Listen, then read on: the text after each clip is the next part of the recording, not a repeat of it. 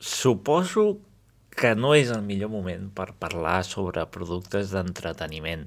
Hi ha una guerra a Europa, de, fet fa anys que hi és, i plantejar-se guionitzar, locutar i muntar un podcast que no tracti precisament aquesta temàtica pot arribar a ser vist com a frívol per a algunes persones. Res més lluny de la realitat. Si precisament aquest podcast ha aparegut una setmana després del que m'esperava, és que senzillament no tenia l'estómac per penjar-lo. Al meu cap no hi encaixava la idea d'estar pendent de la rebuda del podcast, fer-ne publicitat, fer veure que no passava res, fer-ne fils a Twitter, planificar fins i tot el següent episodi. Estem davant d'un conflicte de dimensions que encara no coneixem i que ens manté enganxats a les novetats gairebé al minut. Sancions, enviament d'armes, bloquejos de capitals, boicot a tot allò que sigui rus fora de Rússia. Això és el que, per ara, ha anunciat Occident que podia fer. No per aturar la guerra, sinó per continuar-la. Anar a l'arrel del problema seria massa perillós. Perdoneu que aprofiti aquest podcast sobre manga i anime per parlar d'això, però com que finalment he decidit que per molta guerra que hi hagi l'espectacle ha de continuar, doncs això. Pels que és la primera vegada que sou per aquí, disculpeu aquest avís previ, el podcast comença tot seguit i ve bastant llarg.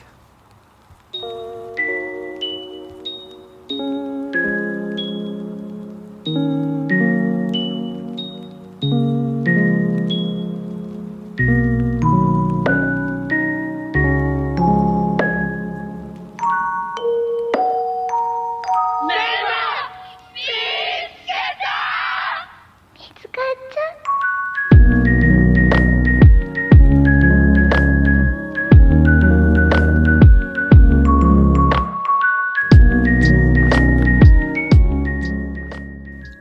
tots i totes, benvinguts i benvingudes a Magazine, un podcast sobre manga i anime en català. Aquesta setmana us porto un programa molt especial, bé, tots ho són una mica a la seva manera d'especials. Aquest eh, mes de febrer s'han complert diferents aniversaris de Bola de Drac. El 15 de febrer en va fer 32, des que TV3 va emetre-la per primer cop, però és que fa només uns dies també hi va haver el 36è aniversari de la primera emissió de l'anime al Japó. Vaig prometre que tornaria a Bola de Drac aquest podcast i continuo complint, això sí, d'una manera diferent. I no us preocupeu que tindreu dosi d'actualitat i fins i tot una recomanació d'una sèrie Osama Ranking abans de començar, però recordeu que em podeu seguir a través d'Instagram i de Twitter a arroba el i que em fareu molt feliç si m'ajudeu a difondre el programa, si em feu algun comentari, foteu un like, em seguiu o genereu un altre tipus de feedback. Va, som-hi!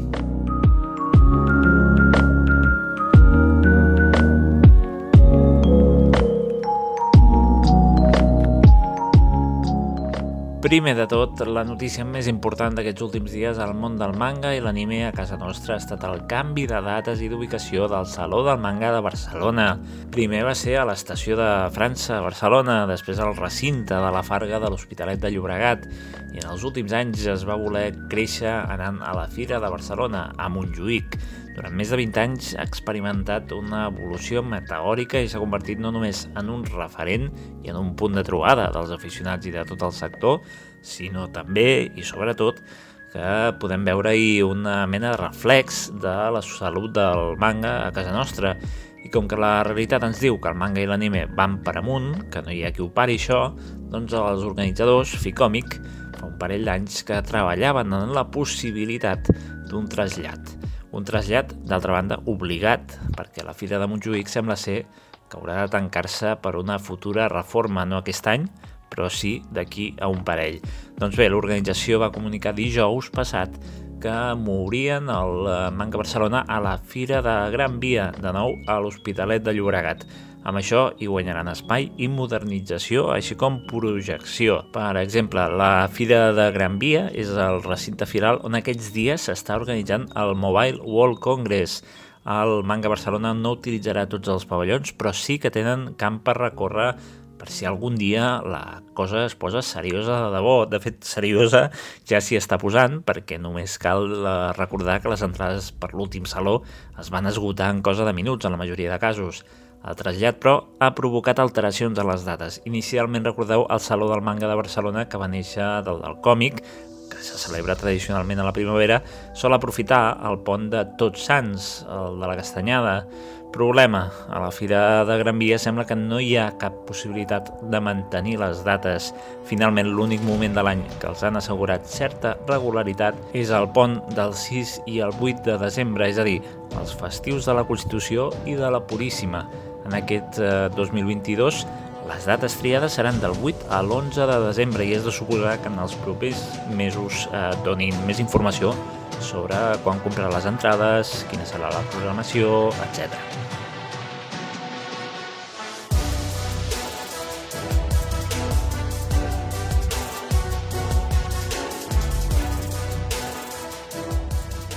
Paciència perquè estem tot just al primer trimestre de l'any encara.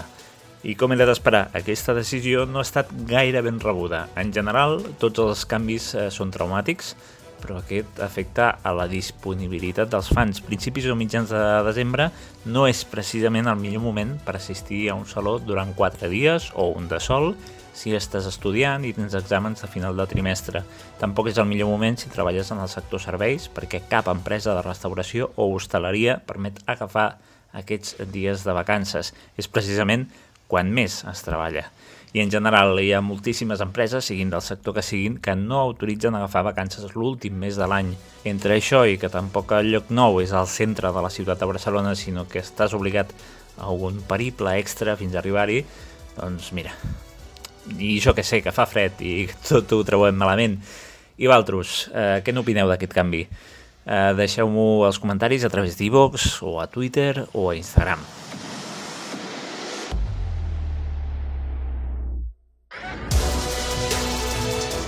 I ara ja sí, fem l'habitual repàs de noves llicències de manga. L'editorial Fandogamia va anunciar dues noves llicències. Es tracta de dos volums únics, Killer Queen i Por qué rechacé mi propio género.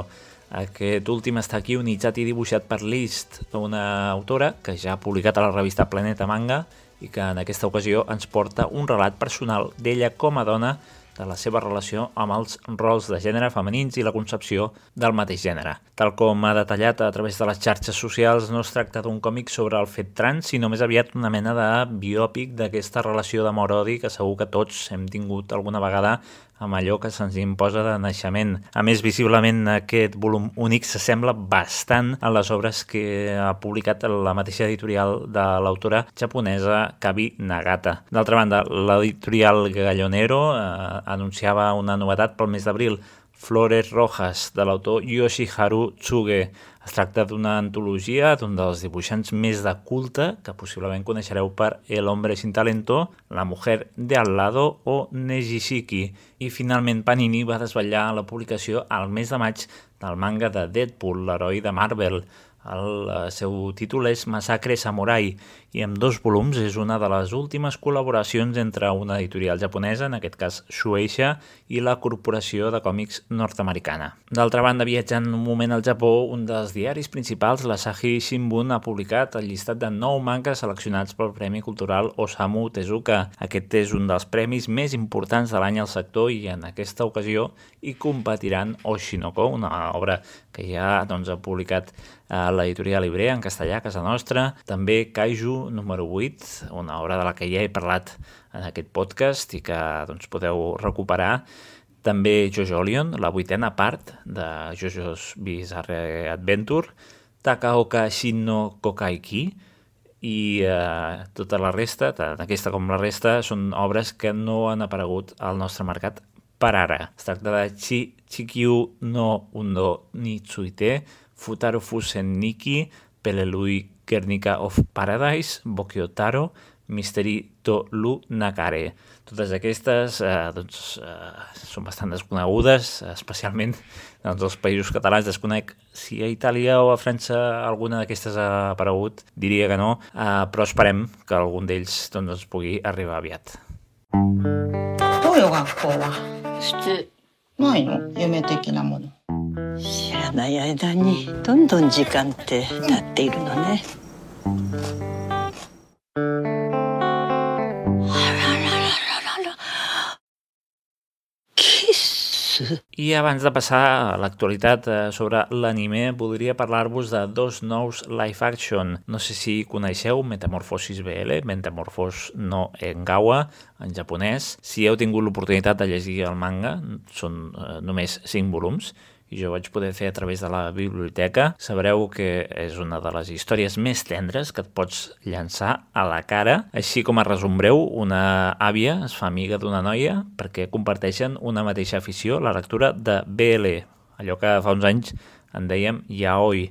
A través d'aquesta afició comuna veiem un diàleg intergeneracional bastant curiós i divertit i que us convido, si voleu, a descobrir. Doncs bé, s'ha desvetllat que tindrà pel·lícula live action i que s'estrenarà aquest estiu. Pel que es pot desprendre del tràiler, conserva aquesta aura de puresa, que jo diria que és el principal atractiu de l'obra. Una obra, per cert, que no ho he dit, de Kaori Tsurutani, de la qual també podem gaudir una altra manga en castellà, com és el cas de Don't Like This, un volum únic de l'editorial Fujur.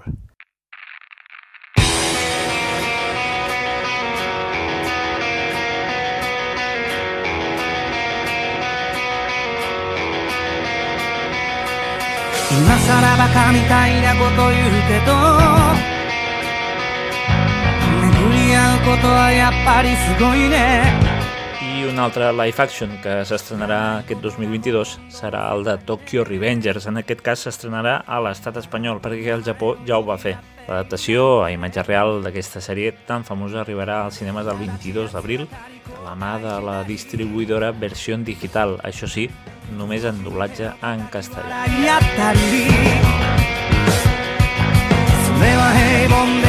I ara ja sí que és el torn de l'anime. Deixem eh, a una banda els llibres i el paper per parlar de les novetats. Amazon Prime Video ja ha penjat la primera meitat de la última temporada de Shingeki no Kyojin. Suposo que tothom que escolta aquest podcast ho deu saber, però us recordo, ara mateix s'està emetent al Japó la segona part de la temporada final d'aquest anime. A través de Selectavision ja podem gaudir de la versió doblada al castellà a través de la plataforma d'Amazon i posar-nos al dia si encara no ho hem fet. Altres eh, novetats del món de l'anime són el simulcast de Selectavision de Akudama Drive, que el teniu disponible al web de la distribuïdora, un capítol cada divendres. No està doblat ni tampoc és eh, novetat realment, ja que es va estrenar al Japó el 2020, però si encara no l'heu vist ja hi podeu fer un cop d'ull de manera legal i sense anuncis. Parlant d'anuncis, la plataforma de streaming d'anime Crunchyroll ja està disponible ni més ni menys que la Nintendo Switch. La consola disposa d'una aplicació com si fos un joc perquè puguem veure les seves sèries a través de la seva pantalla. Això sí, ens hi posem com ens hi posem, si no paguem la subscripció ens continuarem menjant una mitjana de 10 anuncis per episodi. I l'última notícia que tenim al voltant de l'anime és l'estrena el 28 de març de la nova sèrie de Termae Romae, Termae Romae Novae. Netflix eh, sembla que ha apostat per aquest estil de sèries, com és el cas també de Yakuza Amo de Casa, en què el protagonista es troba desubicat del seu entorn natural i se succeeix un seguit de situacions còmiques. De Termae Romae ja existia una versió animada eh, prèviament, però ara han fet un altre anime amb noves històries. Per qui no sàpiga de què va, Termae Romae se centra en la vida de Lucius Modestos, que descobreix el món actual quan s'endinsa a les aigües de les termes romanes. Per algun motiu es trasllada al Japó i no a Roma o a Tàrraco, és el que tocaria, encara que, bé, millor que no vingui cap romà a veure com és la futura Tarraco, que potser li agafaria un atac de pena. かつて孫悟空によって壊滅した悪の組織レッドリボン軍ある目的のため最強の人造人間を生み出したそのマークレッドリボン軍正解そして I ja per lligar amb el contingut que tot seguit podreu escoltar, la notícia d'aquests últims dies possiblement més comentada és l'aparició de noves imatges de la pel·lícula Dragon Ball Super Superhero. El nou film fa temps que es va anunciar i al Japó arribarà el 22 d'abril, mentre que pels Estats Units es preveu la seva estrena a l'estiu. El que ha despertat més comentaris dels fans no són els nous enemics d'en Son Goku i companyia, sinó que per fi hem pogut veure el seu fill, en Son Goten, i el seu millor amic, en Trunks, en una versió adolescent. No vull que m'entengueu malament, ja els havíem vist en aquesta edat, al final de Bola de Drac Z i també a Bola de Drac GT, però aquesta és una nova versió que d'alguna manera ens deixa entreveure que potser aviat la línia de temps de Bola de Drac Super anirà avançant. Més que res perquè per ara el manga de Toyotaro continua, si fa no fa, en el mateix període que ho va deixar l'anime. Sí, hi ha nous enemics, però tampoc hem vist que els protagonistes s'hagin fet més vells. Sigui com sigui, esperem eh, que quan s'estreni aquí ho faci amb el doblatge en català, perquè sincerament, entre que l'estil és molt de cinemàtica de videojoc i que la trama no em crida, almenys per la informació que tenim ara mateix, d'una mena de retorn de l'exèrcit de la cinta vermella, només faltaria que no tinguéssim les veus originals del doblatge en català per dir fins aquí.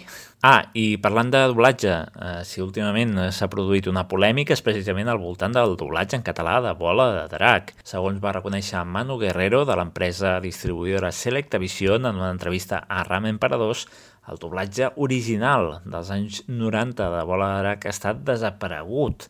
Pel que sembla, la mateixa Select Vision hauria filtrat els àudios a principis del 2000 per editar la versió en físic amb els DVDs, però no va conservar el màster original.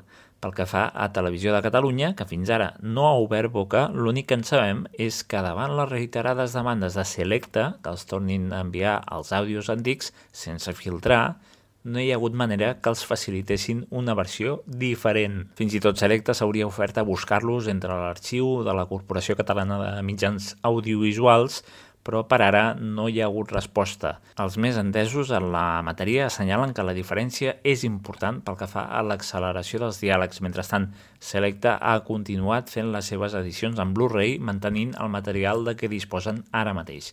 L'última, precisament, eh, surt d'aquí a pocs dies, que comença per la saga de Raditz. Ai, perdoneu, que ja cau. La cadena Comedy Central eh, ha confirmat a partir del 14 de març hi haurà una missió de 4 episodis diaris de Bola de Drac a l'estat espanyol. Serà en horari de tarda, cap a dos quarts de set, i per ara no hi ha notícies que aquesta sèrie es pugui emetre en cap altre doblatge que no sigui el castellà. I mira que hi ha doblatges a l'estat espanyol de Bola de Drac, gallec, basc, català, valencià, en fi, coses que passen.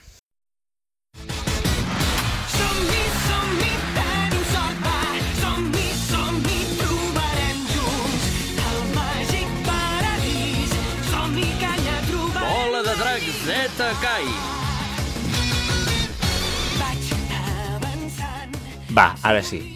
Segons les estadístiques que em faciliten tant Anchor com Spotify com Evox, la majoria de vosaltres teniu més de 25 anys, o m'atreviria a dir més de 30 anys, i quan els dies 19 i 20 de febrer es va celebrar la Fira Starraco Unlimited, enfocada en guany a bola de drac, vaig pensar que què menys que preguntar-vos a vosaltres, dones i homes ja de mitjana edat, algunes qüestions al voltant de la sèrie. Aviam, tampoc ens enganyem, el públic principal de Starco és aquest, o almenys és el que em vaig trobar jo, famílies senceres amb els fills, parelles, també d'aquesta edat més o menys, amics o individus sols, però que, si us sóc sincer, no són gaire aficionats als cosplays. O com a mínim no ho semblaven, simple valoració eh, personal després de veure que només els nens petits anaven ben disfressats. De fet, ni els mateixos organitzadors són gaire fans del manga i de l'anime, tal com diu Ivan Carrasco, director de continguts de l'Estàrraco. Sí, a veure, nosaltres no és que siguem un event de manga i anime, vale? no ens dediquem a, a, a fer producte del Japó, però sí que tenim que dir que a, Bola de Drac va ser una sèrie que ens va influenciar moltíssim a tota la generació dels 90, que ara som els que tenim 40, 40 i pico anys i ja comencem a tenir fills i tot això, i llavors per això li volíem dedicar a Bola de Drac, que és que Bola de Drac, quan nosaltres vam començar, i encara segueix. Llavors, hi ha com tres, o dos o tres de generacions que coneixen a Bola de Drac, i llavors tenien que fer Bola de Drac sí o sí. Per qui no el conegui, l'Estarracó és un esdeveniment que se celebra un cop l'any a Tarragona.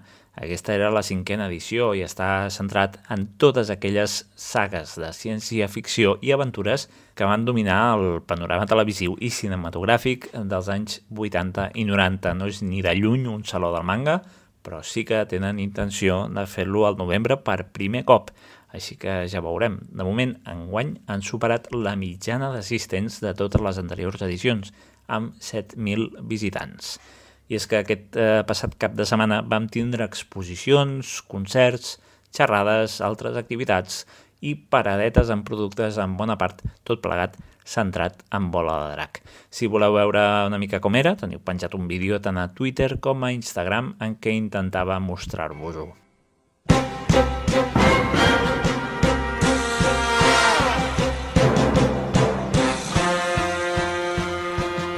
Total, ja que era allà, vaig pensar, hosti, no és que precisament els catalans blancs i heterosexuals siguin el col·lectiu amb menys veu als mitjans de comunicació, però sí que estaria bé posar-los el micròfon a ells, que parlin d'una vegada als nens dels 80 i els 90, que també hi ha otakus amb canes i entrades. I això és el que em van dir.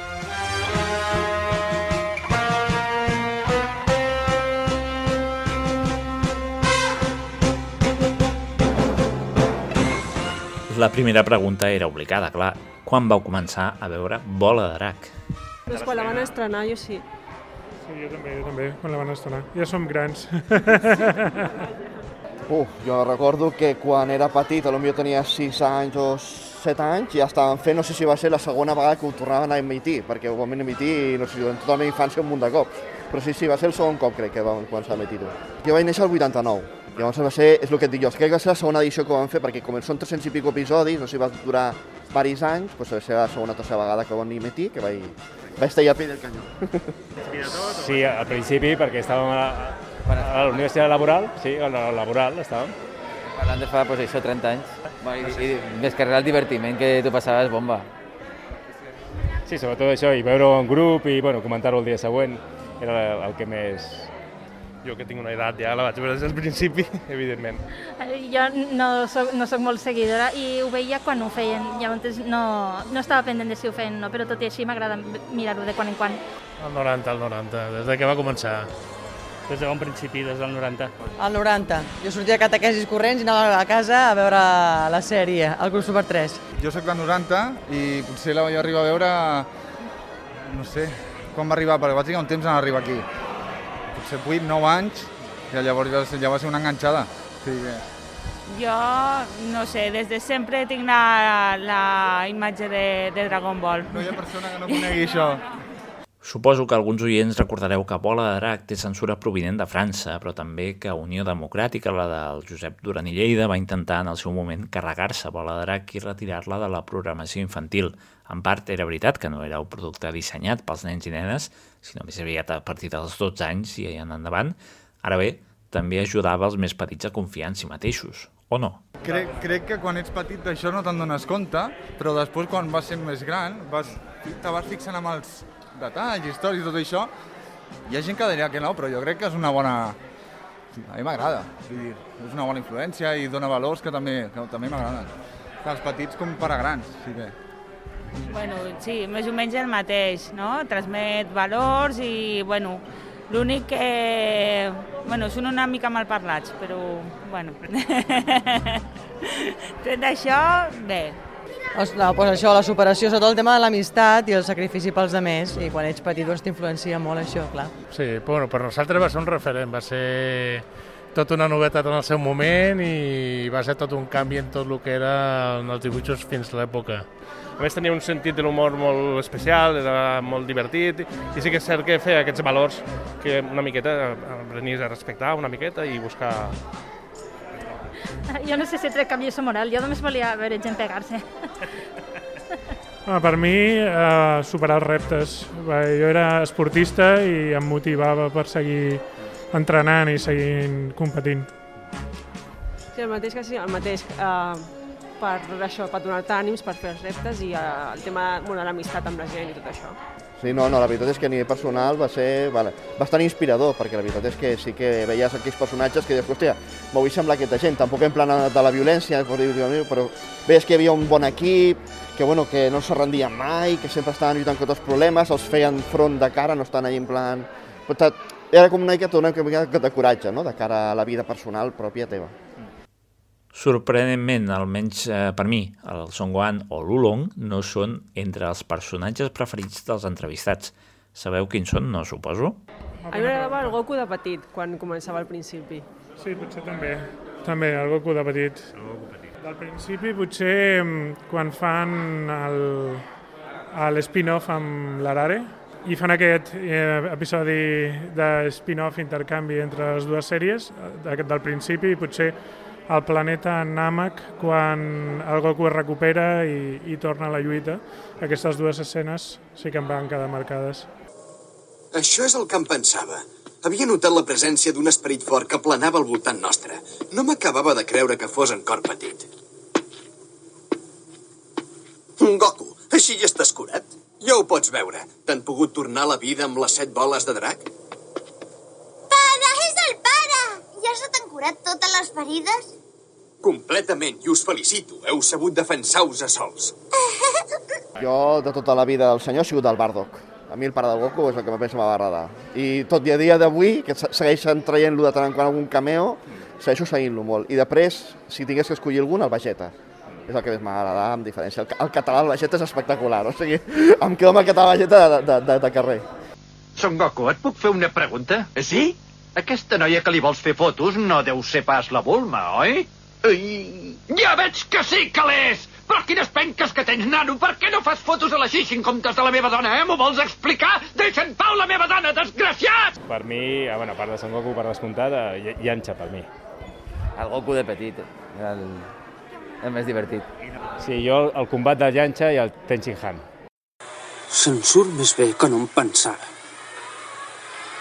Sí que parla molt, però també sap lluitar. Feia molt de temps que no havia tingut un adversari d'aquesta qualitat. El combat serà dur. Atenció! Vigila amb aquesta tàctica nova! Ensenya-me-la! Jo sé, Goku, Goku petit, eh? El, abans de que passés tot el que passés. Sí, la primera vegada que va sortir el drac Seron. Vine, drac! Concedeix-me el meu desig, escolta'm, drac!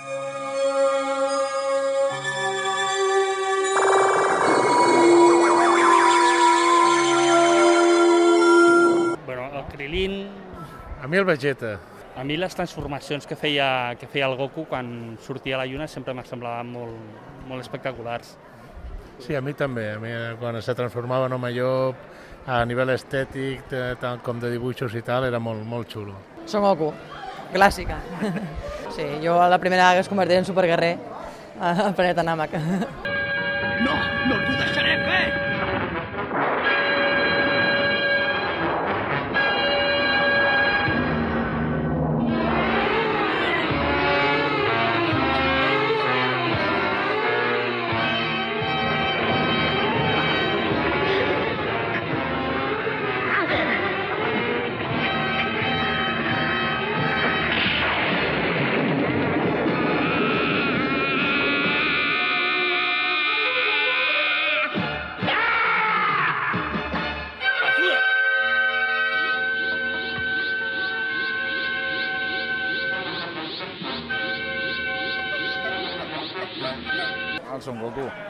Des de petitó, el Son Goku, ja està. A mi, Vegeta. Bueno, l'escena que me'n recordo de veure la petita a la televisió era quan el Son Gohan se transforma i, i, i guanya el, el cèl·lula. Allò va ser, va ser, va ser molt xulo, va ser impactant, sí. A mi és que això m'ho van fer molta ràbia, perquè és només quan s'enfadava molt, s'enfadava molt, si no era un... no feia res, era com un... Sí que era molt marcada, diferent. però no positivament, potser. Us feia ràbia la Sí, una mica, una Sí, mica. sí. Que estan apallissant a tota la seva família i, i només s'enfada quan, quan li diuen que, que es eh, perdrà el planeta i els animals. Bueno, és una mica... Ràbia, sí, sí. No t'hi escarrassis, bola de ferralla. Salva. Els animals són quan. Sisplau, salva les plantes. Salva la natura que tant T'ho suplico.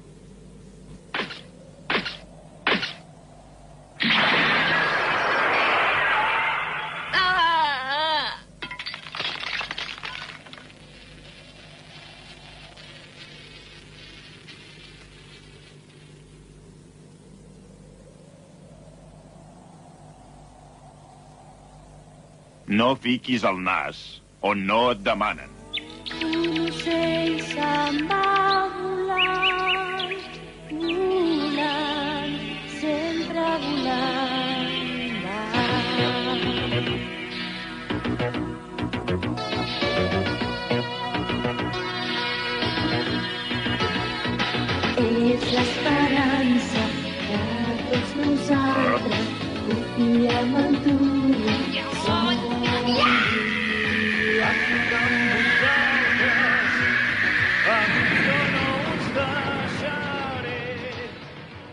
I què en pensa tota aquesta gent de bola de drac super?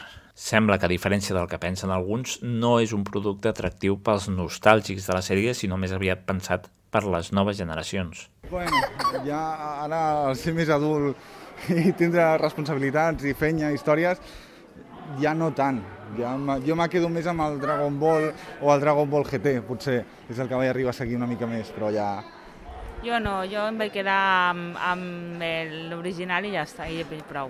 Jo sí que l'he seguit, no amb tanta intensitat, més per veure l'evolució l'evolució de la història i tal, però sí l'he vist, ella, ella no, no, no tant. Un capítol sol, però no, no l'he vist. Doncs, a diferència de molta gent que diu que no li fa gràcia, a mi em va, fer, em va agradar. A veure, sí que és veritat que el tema del dibuix és diferent, i és veritat que depèn de com ja de me transformo 8.000 veces i era un punt que dius, ostres, que ja portem tantes que... Però no em va agradar bastant la sèrie i la veritat que l'última part, l'últim arc, que és el torneig de poder i això, també em va fer molta gràcia. Jo vaig començar a mirar-la, però seguida em vaig cansar perquè ja... Opinió? Entenc que no, no t'agrada. No, no m'agrada, no, no, la veritat. Perquè trobo que era una mica estirar massa el, el ciclet, com, com el Super Z, Z, doble Z, i bueno, tot això. Jo crec que amb la primera i potser una miqueta la segona era suficient. Bola de Drac, sens dubte, va suposar un boom pel manga i l'anime. Gràcies a la seva arribada, les editorials, les distribuïdores i les televisions es van sumar al carro després a moltíssims productes que buscaven precisament repetir aquest èxit. Això no va ser sempre així, però aquella generació va descobrir molts nous mons. Quines sèries creieu que ens podrien recomanar? Bueno, a mi uh, Cowboy Bebop m'agrada molt, Full, Full Metal Alchemist també m'agrada molt. Uh, així de l'estil de Dragon Ball, uh, Bleach també em va marcar bastant i, bueno, i Evangelion per fer les palles mentals que d'Evangelion i no sé, bé, abans veia molt més, ara tinc menys temps, però crec que aquests i no sé si se m'escapa algun més. Hem vist Assassination Classroom, no sé si és... Sí, aquesta és més És, actual. és més actual. Més infantil també. I eh, soc de les que, que ha dit ell. Um, Full Metal Alchemist i Cowboy Bebop és, està molt xulo. Doncs jo he sigut sempre molt friqui, la veritat que sí. I des de Dragon Ball doncs, em vaig mirar també a Reina Gaudi, que ho feien a la televisió, a, bueno, televisió espanyola al Canal 2, també bueno, a Ranma, un munt de sèries d'aquella època, al Musculman, que era l'hòstia, i bueno, que recomanar alguna sèrie ara mateix d'anime i manga, doncs no ho sé, és que ara mateix sí que és veritat que em pilles una mica en fred, perquè hi ha, hi ha tantes, però si tingués que recomanar alguna, aquesta del Kim Kimetsu no Yaiba, que és una que és un, uns caça de dimonis que està bastant bé, a mi m'agrada bastant. No, jo d'anime, arran de, de Goku vaig veure Akira, però després ja em van decantar més cap a l'univers Marvel i tot el tema de còmic americà. Home, jo recomanaria molt l'Arale, que era eh, una mica el precursor de, de, de, del Bola d'Atac, i el Ranma 1-2, que és un manga i un anime que també... Bueno, el trobava molt entretingut i molt divertit. A mi em molava molt el de Ranma un i mig o Musculman. Sí, per mi Naruto. A veure, sempre he sigut molt de molt d'anime i encara que els vells, entre comilles, no, no els hagi vist molt, jo recomano Jojo's Bizarre Adventure. Jo, si vol, Arade, evidentment, el Doctor Slump, que també era molt divertida, i algunes així molt, una mica surrealista que m'agrada, eh, bueno, Musculman eh, i Bo Bo Bo, per exemple, per dir algunes. Home, el Doctor Slum és la que puc recomanar també, 100%. Bueno, arribar a veure com a tal, no. Potser he arribat a veure alguna cosa més com Naruto, potser també. O... Però ja està, eh? no et pensis que he vist com molta cosa més. Sí, potser sempre repetim el mateix. Jo, Si agrada, no? Per a què canviar? Sí, eh, Sailor Moon.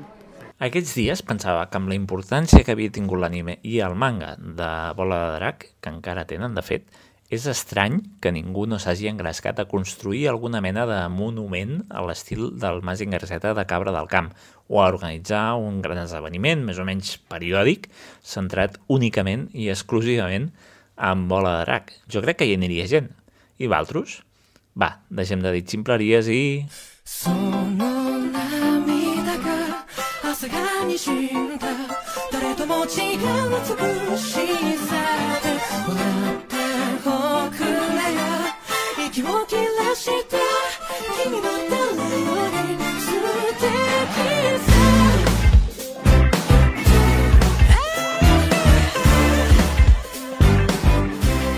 I avui a la secció d'animes boníssims dels que no parla ningú... No, no és veritat que no en parli ningú. Hi ha molta gent a Twitter i gent d'altres podcasts i canals de YouTube que n'han parlat i segurament en continuen parlant.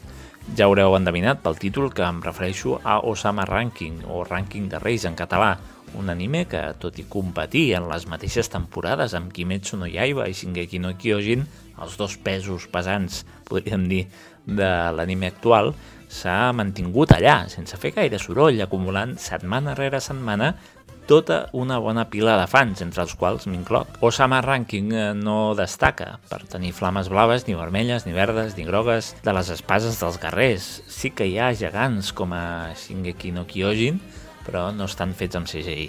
A primera vista sembla un anime bastant descartable, d'aquells que penses que potser no hi han dedicat gaire pressupost.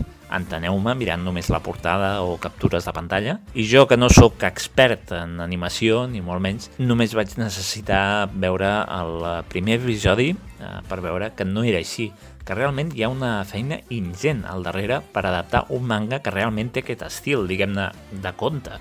Sí, si ens hi parem a pensar, és un conte un conte molt a l'estil Ghibli, un conte que podria llegir des del teu nebot fins al teu avi.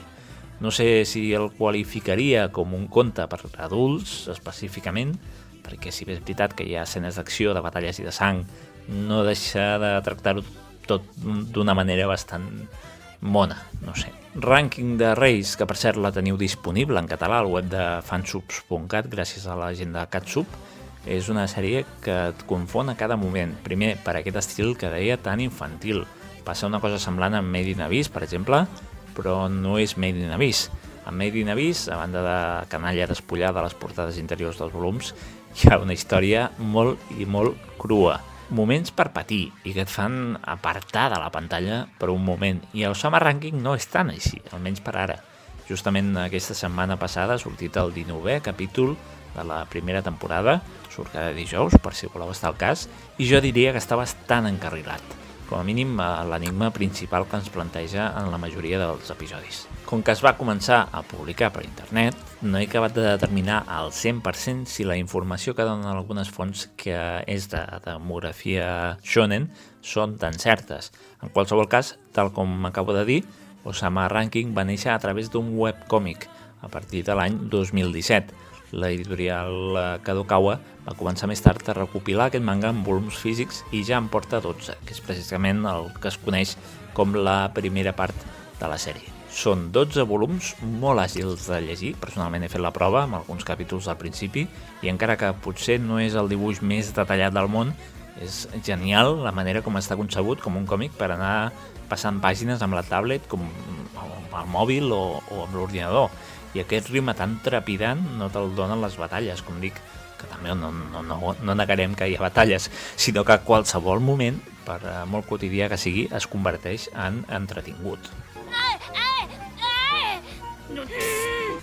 Porto no sé quants minuts parlant i encara no us he explicat de què va. Doncs el que acabeu d'escoltar, aquest so estrany, és la veu del Bogi. El Bogi és el protagonista d'aquesta història. Ell és un nen, o així se'ns presenta, que és príncep en un regne d'estil medieval.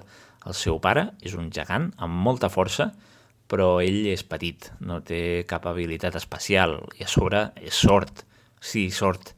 Una de les primeres coses que crida l'atenció a algú que es pot engrescar a mirar aquest anime és precisament la visibilització que fan eh, del llenguatge de signes i de la solitud que poden experimentar aquestes persones en determinats moments. Osama Ranking no és, però, un slice of life del nen aquest. Estaria bé, igualment, si ho fos, la veritat. Per què negar-ho? Però en els eh, 19 capítols que hem pogut veure fins ara hi han trobat trames de tota mena. Ja he dit que hi havia batalles, però també hi ha misteris per resoldre, traïcions, mons desconeguts, viatges i tota mena de successos. El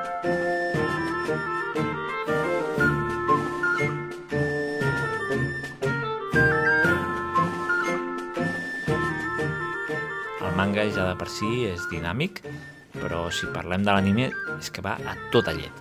A tota llet vull dir que en 23 capítols d'anime, que és el que es preveu que tingui aquesta temporada, es poliran els 12 volums del manga que actualment estan publicats al Japó. per comparar-ho, abans he parlat de Kimetsu no Yaiba, doncs eh, la primera temporada de Kimetsu no Yaiba comprenia els set primers volums aproximadament. Amb Osama Ranking, aquest ritme que a priori sembla accelerat no es fa estrany. Les escenes se succeeixen una rere l'altra i tens eh, temps suficient com per assimilar el que estàs eh, veient. Encara que no és en absolut un argument simple. El príncep Bogi i la seva família viuen en un món medieval, sí, però no és eh, l'edat mitjana a la que estem acostumats.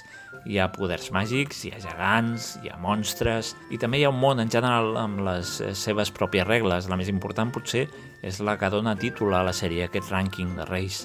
Els reis són avaluats en funció de la seva destresa i a partir d'aquí s'estableix una mena de classificació. No voldria avançar gaire cosa més sobre aquest món perquè en aquest podcast intento no fer spoilers, així que parlem una mica dels personatges. 飲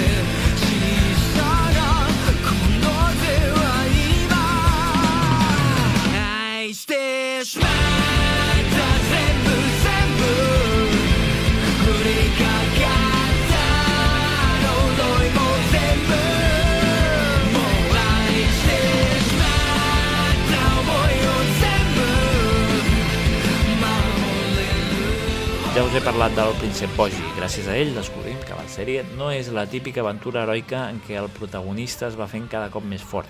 El príncep Bogi no es pot fer més fort. Té aquest hàndicap per la seva constitució física i no pot sentir ni tampoc pronunciar paraules intel·ligibles. Per tant, el que tenim davant és una sèrie plena d'intel·ligència emocional, un anime que ens entendreix el cor cada setmana, que ens cura l'ànima, que ens fa recuperar la fe en la raça humana, que ens fa pensar que podem ser millors persones. Millors eh, no en el sentit de competir i ser més que l'altre, sinó de treballar per aconseguir la puresa màxima en les nostres relacions amb els altres. Com he dit, si Osama Ranking fos una pel·lícula dels anys 80 o 90, probablement en lloc de Wit Studio, que no dic que no ho faci de conya, segurament l'hauria animat Studio Ghibli. És un conte, una història absolutament de Ghibli Hi ha molta vibra, no dels grans èxits, que potser ens venen al cap, però sí de Ponyo, del meu veí Totoro, de Kiki, l'aprenent de bruixa, de Murmuris al cor, o fins i tot, no ho sé, m'atreveixo a dir també en certs aspectes de la tomba de les lluernes. No tan dramàtica, encara que sí que vaig plorar al principi d'Osama Ranking amb la història del següent personatge del que us parlaré ara mateix. お前のスタイルはあれでいいと思うぜ いやお前からはもう何ももらわない俺はこれからどんなことがあってもお前の味方になりたいんだ El Kage és un ésser estrany que un dia de sobte se li apareix al Bogi, una mena de taca negra amb dos ulls i una boca que se li sobresurt. A més, eh, té com una mena de butxaca del Doraemon perquè no para de treure coses de dins del seu cos. Al principi el Kage té una aura malèfica, però tal com es pot intuir, en realitat és un tros de pa, especialment a partir de quan comença a agafar-li efecte al Bogi. El Kage, igual que el Bogi, té un passat força dolorós, però a diferència del Bogi, ell eh, sí que s'ha deixat dominar per la ràbia i el ressentiment. Per cert, suposo que ho recordareu de Naruto o altres animes similars, però Kage, en japonès, vol dir ombra, i això té molt a veure amb aquest personatge. Més, el Bogi, com ja he dit, eh, té una família, una família reial. Ell aspira a ser el rei, però a Palau tothom pensa que no és la persona més adequada per ostentar aquest càrrec.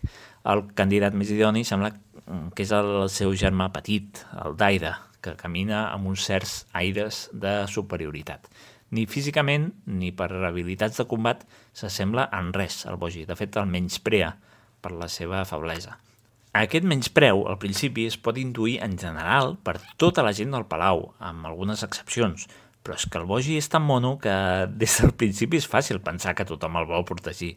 Per exemple, entre ells, el seu pare, el Bosse, que tal com he dit anteriorment, és un gegant molt forçut. I la reina també, que està molt amoïnada pel Bogi. perquè és que al principi es veu com el prenen per tonto. Es pensen que a banda de ser sord i dèbil, també té alguna deficiència mental. Fa el que vol, sembla que no respon als impulsos lògics de barallar-se amb els altres nens que el maltracten, en fi, que tothom pateix per ell, per quan creixi i hagi de valdre's per si sol.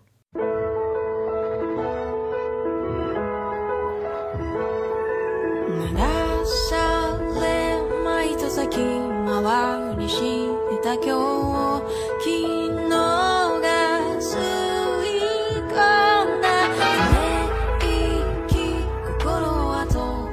intentant salvar els mobles amb aquesta anàlisi barra recomanació perquè de debò que no voldria espatllar-vos cap dels grans moments de clímax que té eh, aquesta sèrie. Fa temps que tenia ganes de parlar de Osama Ranking, penso que és el gran tapat, per així dir-ho, de les dues temporades d'anime, tant la de tardor com l'actual eh, d'hivern, sempre a l'ombra dels grans èxits i com que té aquest disseny tan de conte infantil, potser passa més desapercebuda a priori tan desapercebuda que ens ha arribat l'anime i no ha estat el cas del manga, encara que ja s'hagin publicat 12 volums al Japó. I no aquí, sinó que a França, el gran referent en això del còmic, tot just ara es comença a publicar a partir del 7 d'abril per part de l'editorial eh, Kion. En anglès, en canvi, de moment el publicaran en versió online. I mira que el mercat nord-americà dona per publicar moltíssima més varietat que no pas aquí. Diguéssim que això d'Osama Ranking ha agafat una mica per sorpresa a la majoria, o això és el que vull pensar. O sigui, no voldria pensar que alguna editorial espanyola hagués arribat a la conclusió que això no tindria èxit aquí, perquè n'hi ha per llogar-hi cadires. Deixeu-me parlar una mica d'aquesta visibilització de les persones amb sordera i de tot el que han de superar per poder formar part del seu context social. Seria pretensiós, per part nostra, pensar que el llenguatge de signes es va inventar a la modernitat dels segles XIX, XX o XXI. Això entenent el llenguatge de signes com una manera de comunicar-se entre persones a través de les mans. Més que res perquè sí que està demostrat que aquesta manera de comunicar-se s'ha fet eh, servir històricament entre tribus o grups socials que no compartien la mateixa llengua. Diguéssim que potser per nosaltres ara ens és bastant còmode apuntar-nos a l'escola oficial d'idiomes i aprendre rus o àrab, però en aquells temps, si la llengua no era semblant, com si que passava a Europa amb els idiomes llatins, calia trobar la manera de parlar. De totes formes, sí que sembla que, com a mínim, no hi ha evidència escrita de com seria aquell llenguatge previ al segle XVII. La seva evolució, mm, evidentment, va anar lligada a cada país i per això hi ha països que parlen la mateixa llengua, per exemple, el castellà o l'anglès, però que no comparteixen el mateix codi de gestos. És també el cas dels països catalans, on hi ha una llengua de signes pel País Valencià, una altra per Catalunya i una altra per les Illes Balears. El que fan moltes persones amb sordera és, a banda d'aprendre el sistema de signes internacional, és eh, saber llegir els llavis i d'aquí la necessitat eh, que s'ha trobat en aquesta pandèmia de tenir mascaretes transparents. Quan pensem en anime o manga amb personatges amb hàndicaps físics, de seguida ens ve al cap la típica història contra el bullying. Per exemple, en el cas que estem tractant avui, jo vaig pensar en uh, A Silent Boys, un manga i alhora una pel·lícula d'animació en què el protagonista intenta redimir-se de l'assetjament escolar que va fer contra una noia del seu centre escolar. No dic eh, que no estiguin molt bé aquestes històries, són genials, i a mi particularment aquesta pel·lícula em va encantar, però veient Osama Ranking no puc evitar agrair que no sigui, de nou, una sèrie contra el bullying. No vull comparar el Boji amb el Naruto, però em va donar molta vibra d'això, d'una història del camí de l'heroi, que és heroi no només perquè s'esforça i treballa molt fort, sinó perquè aconsegueix ser un referent i tenir amistat amb tothom. Últimament al Japó hi ha moltes obres d'aquest estil, de fomentar la iniciativa de no desanimar-se, de perseguir els teus somnis. Un exemple que ja vaig comentar en aquest podcast és Jose, el tigre i els peixos, una pel·lícula, per cert, coprotagonitzada per una noia que va en cadira de rodes.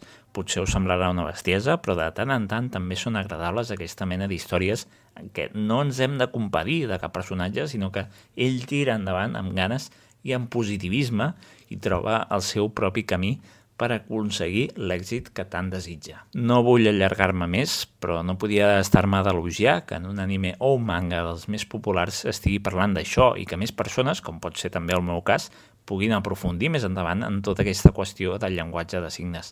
En fi, Osama Ranking. 23 capítols d'anime en total, n'hi ha 19 actualment disponibles, surt cada dijous. Mireu-la, no us decebrà, té de tot. I tot ho fa molt bé. I ja està, què us ha semblat el programa d'avui? Una mica llarg, potser? O curt? Bé, espero que en qualsevol cas hàgiu passat una estona entretinguda i tant si és que sí com si és que no, doncs eh, que m'ho feu saber als comentaris. Recordeu que em podeu seguir a arroba el magazine tant a Twitter com a Instagram i també us podeu subscriure si voleu al canal de iVox i a Spotify. Moltes gràcies per escoltar-me i fins la propera.